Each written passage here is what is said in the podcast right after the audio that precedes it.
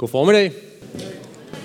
Vi skal høre noget om sager, der nærer i dag, som øh, Martin var lidt inde på. Det er ikke sikkert, det er en titel, der sælger så mange billetter. Der var også en af mine venner på Facebook, der overvejede, vi kaldte det kager, der smager. Det kan være, at det fik lidt flere folk til at, til at komme.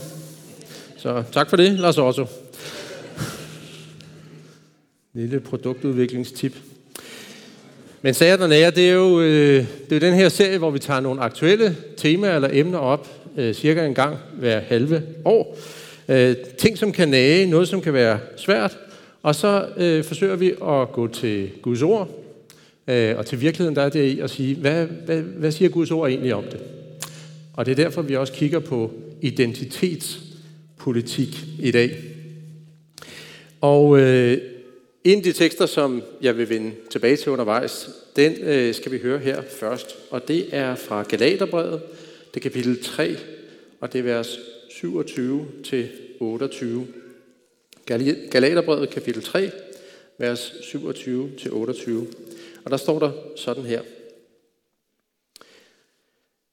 Alle I, der er døbt til Kristus, har jo iklædt jer Kristus. Her kommer det ikke an på at være jøde eller græker, på at være træl eller fri, på at være mand og kvinde, for I er alle en i Kristus. Jeg læser lige igen. Alle I, der er døbt til Kristus, har jo iklædt jer Kristus. Her kommer det ikke an på at være jøde eller græker, på at være træl eller fri, på at være mand og kvinde, for I er alle en i Kristus.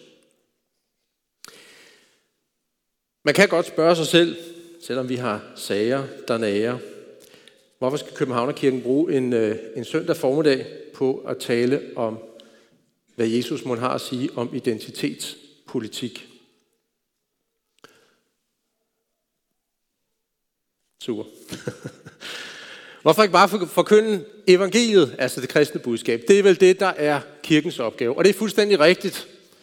Det, som er det helt centrale for os som kirke og som kristen, det er, hvem Gud er, hvad han har gjort, og hvad det betyder for verden og for os. Men den Gud er, og det han har gjort, og det han siger til os, det har ikke bare noget at gøre med et lille åndeligt rum, hvor vi får ordnet vores synd og måske kan slippe for at dø for evigt. Det som Gud er, det som han har sagt, det har noget at gøre med alle livets forhold. Det har også noget at gøre med, hvordan vi forholder os til andre mennesker. Og kirken, den sande kirke, har til alle tider også engageret sig i, hvad der skete i verden omkring ikke for at være sådan MC og, og, og gå ud og slå folk oven i hovedet, men simpelthen fordi vi tror, at det, som Gud er, det han har gjort, det har faktisk noget positivt at bidrage med. Og nogle gange kan det positive også være at kritisere noget, andre gange er det at bekræfte noget. Og identitetspolitik, det er måske den stærkeste ideologiske, altså tankemæssige, idémæssige strømning i dag. Det buller frem, Øh, ikke kun på universiteterne, hvor det ligesom startede, men også i medier, i virksomheder, på de sociale medier. Det nedbryder grænser, det vælter magthavere, virkelig magtfulde, især mænd. Det sætter nogle mennesker fri, det er i hvert fald deres oplevelse, og så binder det andre. Det har en mægtig kraft i sig, og det er med til at afgøre, hvad er sandt, hvad er løgn, og hvad kan man tillade sig at sige? Hvad må der siges? Derfor er det relevant for os at forholde os til den, hvis vi har lidt kærlighed til Gud og til mennesker, til det samfund, vi lever i, og især de kommende generationer. Fordi vi er engageret i mennesker, vi lever i blandt. Og fordi kristendom faktisk også i høj grad handler om sandhed, om at sige det, som er sandt, fordi vi tror, at det, det er det eneste holdbare. Og så fordi vi tror på budskabet om Jesus Kristus som kristen.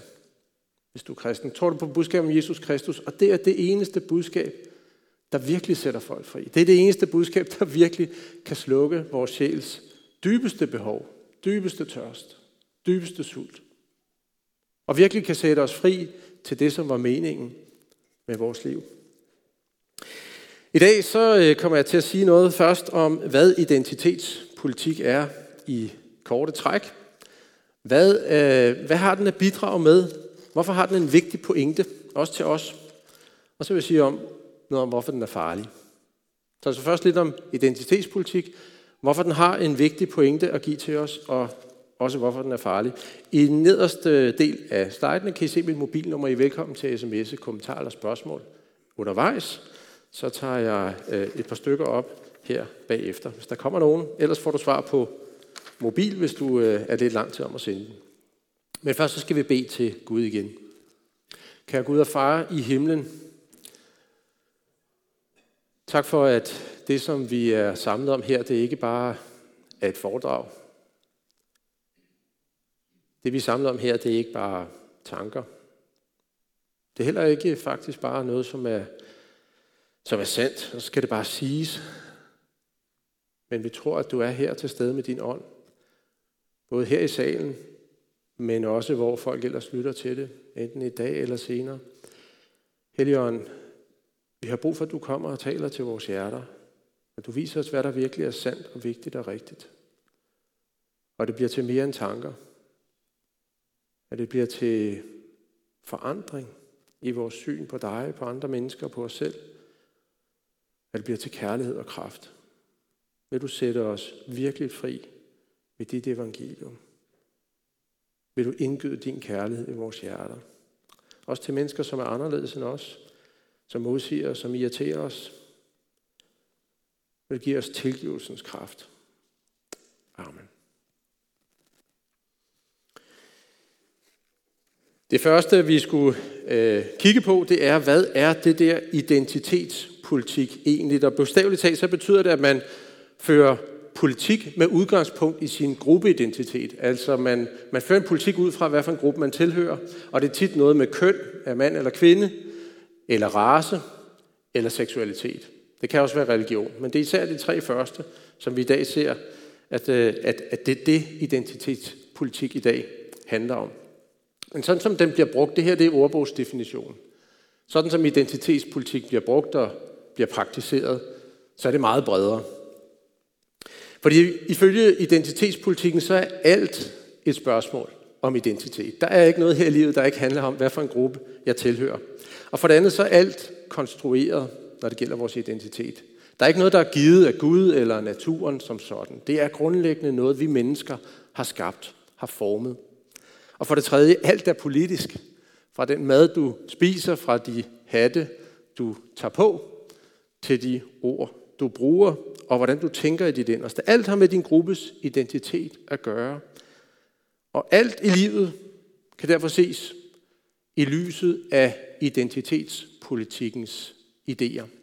Det er lidt ligesom at tage et par briller på, og så afgør de, så lige pludselig så mener man som identitetspolitiker, nu kan jeg se klart. Nu kan jeg se klart, hvad det, hvad det virkelig handler om. Det er alt sammen. Hvordan er tingene så virkeligt, hvis man spørger identitetspolitikken? Og jeg vil nævne tre ting, og det er lidt forenklet, fordi det er trods alt kun en halv times tale, hvis jeg kan holde mig inden for grænsen. For det første,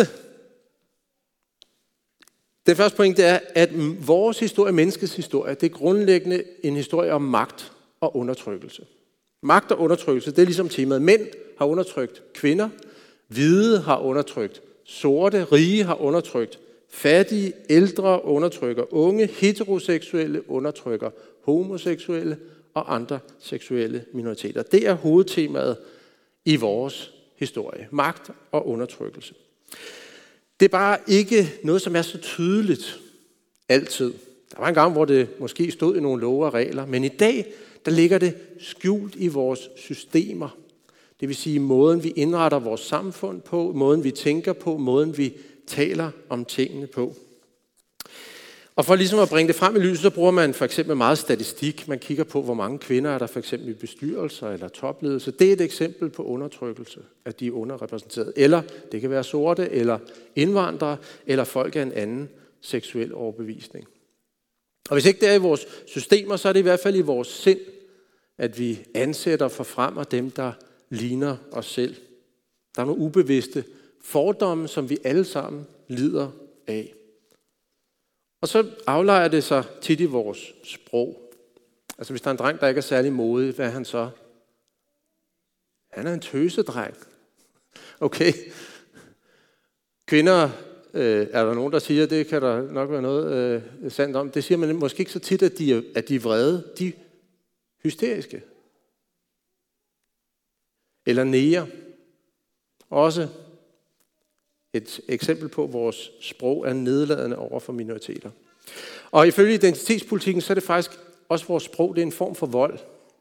Så, så vi, det er ikke bare forkert, det er, det er en form for vold over for de her ofre. Også selvom faktisk nogle gange, at der ikke er nogen ond hensigt bag ordene. Og hvis du ikke kan se det, hvis ikke du kan se det her, at det foregår, så er du ikke vågen, du er ikke vagt eller woke, som det hedder i dag. Så er du ikke en del af løsningen, du er en del af problemet. Så det var det andet. Det, det ligger skjult i vores system. Og det, og det tredje er identitetspolitikken. Den deler folk op.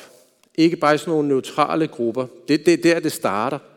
Men grundlæggende, så er der de gode og de onde. Fordi det er ikke bare sådan, at vi er uenige. Det er sådan, at du er fremmedfjendsk, eller chauvinistisk, eller privilegieblind.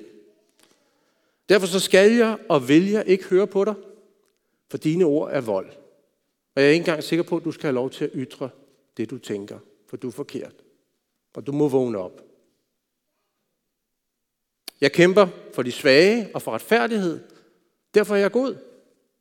Og derfor så kan jeg også tilsidesætte mange af de love og regler, der er, fordi de love og regler er allerede lavet af folk, som bruger deres magt til at undertrykke andre. Det er baggrunden for Black Lives Matter. Det er baggrunden for, at der er en byste, der bliver smidt i havnen i København. Det er baggrunden for, at der er nogle børnebøger, der bliver censureret eller taget helt af hylderne. Det er baggrunden for, at hans ede statue i Nuuk blev overhældt, overhældt med maling. Det er baggrunden for, at man ikke kan lave mexikanerfester på juridisk fakultet i København. Øh, det er også baggrunden for kønskvoter i bestyrelser og mange studier og forskningsprojekter. Det er også baggrunden for Pride selvfølgelig, at vi er gået fra, at Pride ikke bare handler om, at man skal acceptere, at der er folk, der har en anden seksuel observans, så dem skal der være plads til, til at man skal respektere, at de er der, og de er ligeværdige til, på en eller anden måde er det nærmest lidt bedre at være homoseksuel, og der er i hvert fald grund til at være stolt af det. Det er baggrunden for det. Det, øh, det kommer også ind i mange virksomheder. I går fik jeg en mail fra en kollega, en, en chef på et relativt højt plan, øh, der var utilfreds med det her billede, som vi havde brugt til en illustration til en historie på vores portal. Uheldigt billede.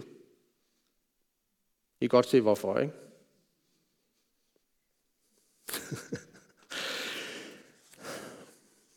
ja. Det er også noget, som kommer ind i vores, øh, vores kirke. Øh, det, det bliver mere og mere sådan salonfægt. Øh, måske lidt smart at sige, at man er feminist, øh, også i kirken.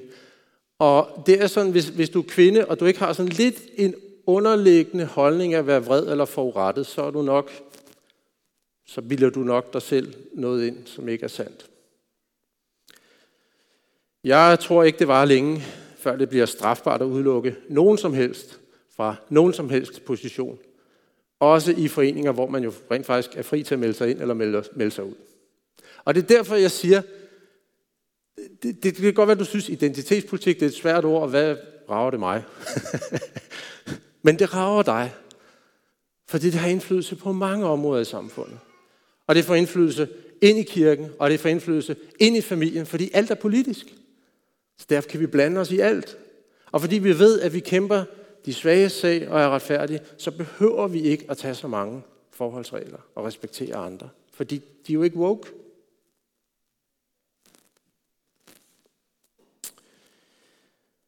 Men har identitetspolitikken ikke en pointe? Er der ikke grund til at være skeptisk over for mennesker med magt? Er det ikke rigtigt, at magt korrumperer? Er der ikke også social uretfærdighed i verden og, og, og sådan set også i Danmark? Selvfølgelig er der en pointe i det her, og, og jeg vil sige, hvis man læser i Bibelen, så kan man se, at, at det ser ud som om, at Gud han går mere op i social retfærdighed, end jeg gør. og han går også mere op i det, end jeg har været vant til at høre det i den kirkelige tradition, jeg er vokset op. Der har det handlet rigtig meget om, hvordan er mit forhold til Gud? At jeg er en sønder, jeg har brug for at omvende mig, så jeg kan få frelse og tilgivelse og elske andre. Og meget andet godt. Jeg er super glad for alt det, jeg har fået med. Men, men der står faktisk ret meget i Guds ord, også om uretfærdige magthavere, og hvordan Gud han går op i den svages ret. 2. Mosebog, kapitel 22. Enken eller den faderløse må I aldrig mishandle. Jeg nævner bare nogle få eksempler. Det er fuld, det, Bibelen er faktisk fuld af sådan nogle øh, udsagn. Er fuld af. Der er masser af dem. 5. Mosebog, kapitel 10. Herren jeres Gud er gudernes Gud og herrenes herre. Den store, den vældige og den frygtindgydende Gud. Og hvad er det så, han siger om sig selv? Som ikke er partisk og ikke lader sig bestikke, men som skaffer den faderløse og enken ret, og som elsker den fremmede og giver ham føde og klæder. Derfor skal I elske den fremmede. I var jo selv fremmede i Ægypten, siger Gud til sit folk. Herren vil føre de hjælpeløses sag. Og gentagende gange, så advarer Gud, øh, profeterne i det gamle testamente om, at Gud er blevet krænket over magthavere, som er ligeglade med retfærdighed, med de fattige, med de svage, med de udstødte. Ingen, der læser mange sider i Bibelen, kan være i tvivl om, at Gud ønsker retfærdighed, også i samfundet. Og han står på de svages side mod de stærke, i hvert fald når de stærke misbruger deres magt. Er det ikke også rigtigt, at der op igennem historien har været undertrykkelse af minoriteter, af kvinder, af sorte, af fattige, af homoseksuelle? Er det ikke rigtigt, at der er en tendens til, at vi som er privilegerede, vi bliver blinde for vores privilegier og siger, hvad er problemet? Jeg vil ikke snart få fred for det larm. Er der ikke en tendens til, at vi, vi fremmer dem, der ligner os, fordi vi er trygge ved det? Har der ikke også været nogle stereotypiske billeder af, hvad det vil sige at være mand og kvinde og heteroseksuel? Man kan også godt sige, at, at politisk korrekthed, som har meget med identitetspolitik at gøre, det, det, det har vel også noget med høflighed at gøre. Altså, at man, hvis, hvis det generer dig, at jeg bruger det ord om dig, hvorfor skulle jeg så ikke tage hensyn til det? Altså, det, det, det vel bare god stil. Lad være med at blive for hurtigt færdig med spørgsmålet, om identitetspolitikken ikke har et eller andet at sige til os og til dig. Måske er svaret ikke så entydigt, men mere nuanceret. Jeg har i hvert fald tænkt over nogle ting. Jeg ved, hvordan det er at være mig, men jeg ved ikke, hvordan det er at være dig.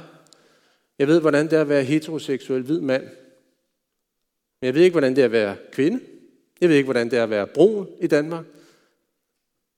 Jeg ved noget om, hvordan det er at være fattig. Men øh, det har jeg glemt ret meget om. Det er i hvert fald noget at overveje. Jeg har prøvet at være mig, men jeg har ikke prøvet at være den, der føler sig diskrimineret. Så må jeg også bare sige, at jeg er da klar over, at jeg har nogle ubevidste fordomme. Jeg har brug for, at der bliver lyst ind i mit sind og mit hjerte for at se, hvordan jeg fordømmer grupper på en overfladisk basis. Og så synes jeg da også, at vi skal blive ved med at se på, hvordan vi forvalter Guds gode ordning, også her i kirken. Hvordan vi kan bringe både mænd og kvinder i spil så godt som overhovedet muligt. Så vi ikke begrænser nogen på en negativ måde.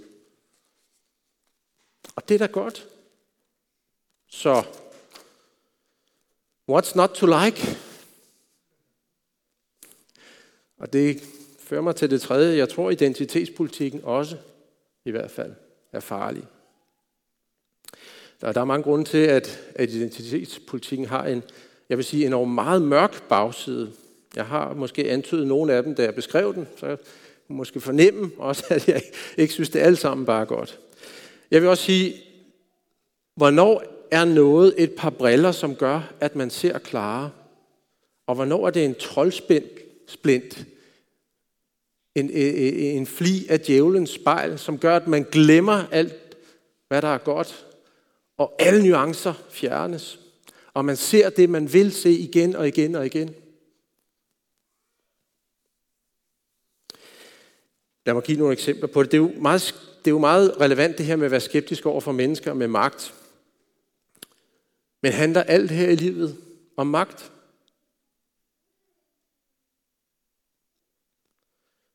Er det kun hvide, vestlige mænd som mig, der har magt? Er det kun os, der skal se os selv kritisk i spejlet. Må gerne skifte. Det, det, det jeg ikke rigtig kan. tak. Ja, der går det for stærkt. Tak. oh, ja, nu gør jeg noget. Sådan der. Super. Sorry. Man skal have tillid. Det er magtkontrol. Øh, jeg ved ikke. Sorry. Hvis noget går galt, så er det mig. Hvem har magt? Og hvordan kan man tilse sig magt? Er det kun dem, der har synlig magt, som har magt, eller er der også nogen, som får magt gennem identitetspolitik, og hvordan forholder man sig til det? Hvordan udøver man den magt? Gør man det med kærlighed, med tillid, med frihed til andre? Identitetspolitikken siger grundlæggende, at alt er konstrueret. Men der er jo ting, der er givet af Gud. Af naturen, kunne man også sige, hvis man ikke tror på Gud, men øh, der er et køn. Jeg har en nationalitet. Og som kristen tror jeg, at vi er skabt, og vi er ikke skaber. Så ja, vi er konstrueret, men det er ikke mig, der bare konstruerer min egen virkelighed. Alt er heller ikke politisk.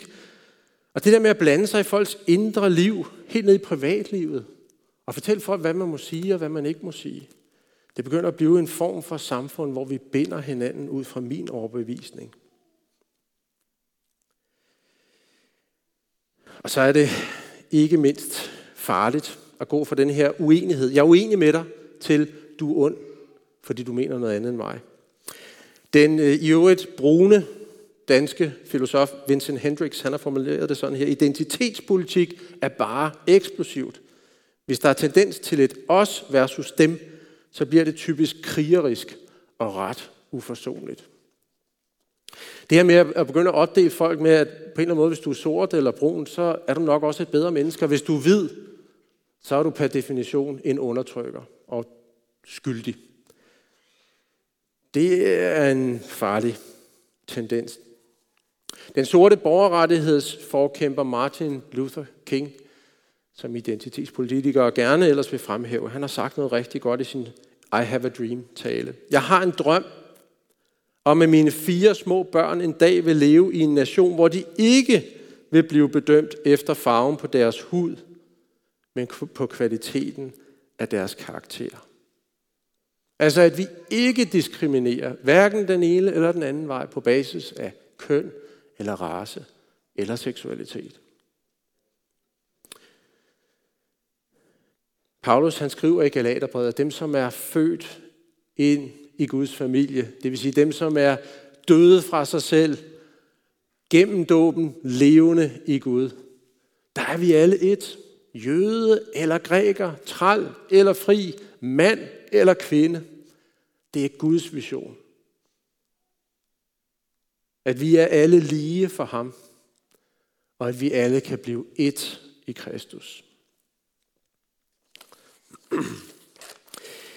Og så til slut vil jeg sige, øh, det som engang startede måske som en, en, en politisk bevægelse med nogle ret legitime sager, har i fraværet af en religion, man vil stole på i den vestlige verden, udviklet sig til en religion.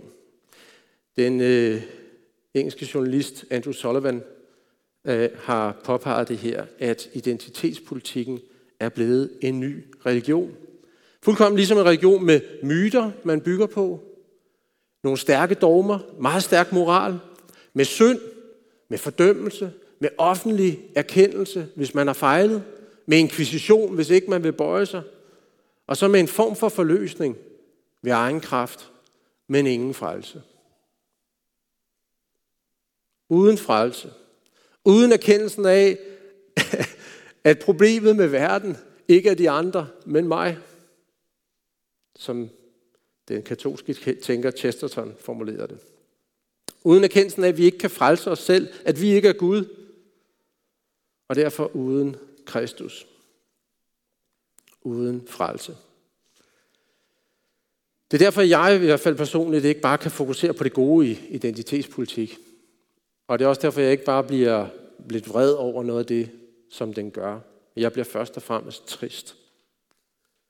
Jeg bliver trist over, hvad det gør ved mennesker. Jeg bliver trist over, hvad det gør ved vores fællesskaber og vores samfund.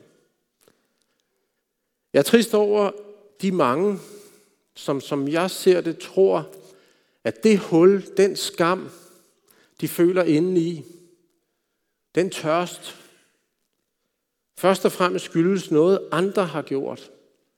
Dem med de forkerte holdninger. At de endnu ikke respekterer mig. At de endnu ikke ophøjer mig og min gruppe.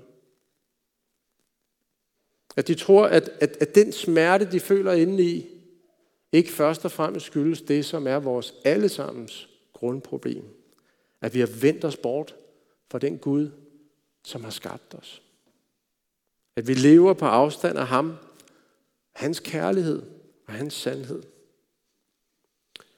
At så mange mennesker ikke ser, at grunden til deres sorg og smerte dybest set, og det er ikke for at negligere problemer i vores samfund, men vores dybe smerte, det skyldes ikke først og fremmest, hvad der er sket i historien, eller først og fremmest, hvad nogen derude, Trump-tilhængere, synes og mener at gøre. Men at jeg ikke har ham, som jeg er skabt til at leve sammen med i et dybt, ubrudt fællesskab. Læste går verset fra Jeremias' bog, kapitel 2, og kom til at tænke på det her. De har forladt mig, siger Gud. De har forladt mig, en kilde med levende vand, og de har udhugget cisterner, cisterner, der slår revner og ikke kan holde vand. Identitetspolitikken er blevet for mange mennesker livets mening. Men det er en cisterne, der ikke holder vand. Fordi den giver ikke dit hjerte, og nogle menneskers hjerte, det, som vi har allermest brug for. Og derfor så bliver kampen altid forkrampet, fordi den kommer til at handle om i en vis forstand for meget. Og den kan aldrig vindes. Bibelen giver os nogle andre briller. Noget af det ligner det, vi har hørt. Andet er helt anderledes. Det er ikke sådan, at der er de gode, og der er de onde. Og, og, og vi, der er de gode, det er også med de rigtige meninger, eller den rigtige hudfarve, eller den rigtige gruppe. Og, og så er de andre, de er ude i kulden. Bibelen viser os, at vi alle sammen er ude i kulden i os selv. Men vi kan alle sammen komme ind i varmen hos vores Gud og far. Ikke på grund af en revolution, som vi kan frembringe, men på grund af en revolution, som han frembragte. Bibelen fortæller os en historie om en Guds søn, Jesus, som var rig og magtfuld og privilegeret, men gav afkald på det hele. Frivilligt. Alle sine privilegier, al sin magt, og lod sig føde som en fattig, som en svag, i dyb afmagt. At han tog vores synd, vores egentlige og dybeste problem på sig. At han blev udstødt, for at vi kunne komme ind i varmen. Hjem til far hvor vi altid vil blive modtaget med åbne arme, uanset hvem vi er, uanset hvad vi har gjort, uanset hvad vi kan præstere, uanset hvad vi har med os. Det gjorde Jesus ikke, fordi han skulle, men fordi han ville. Fordi han elskede dig og dig og dig og dig. Der bliver vi inviteret ind i et fællesskab, hvor der ikke gøres nogen forskel på sorte og hvide. Gule, brune, rige, fattige, homoseksuelle, heteroseksuelle kvinder og mænd, men hvor vi alle er et i ham. Og det er først, når vi ser det, at vi kan få troldsplinten ud. Det er Guds identitetspolitik. Det er det, verden har brug for. Det er det, du har brug for. Det er det, jeg har brug for. Og først når vi får troldspinden ud, så kan vi kæmpe for retfærdighed, uden at vi gør det til en religion. Uden at det bliver med hadet som fortegn. Uden at det bliver selvretfærdigt. Det er også derfor, at de identitetspolitikere, vi møder, ikke først og fremmest har brug for modstand, med for det samme, som jeg havde brug for, du har brug for, og jeg stadig har brug for. At høre Guds sandhed. At gå i mig selv og tage ansvar for min egen synd. At omvende mig, at gå til ham, som aldrig viser mig bort, uanset hvem jeg er. At blive taget imod og tilgivet af ham. At få en ny identitet i ham.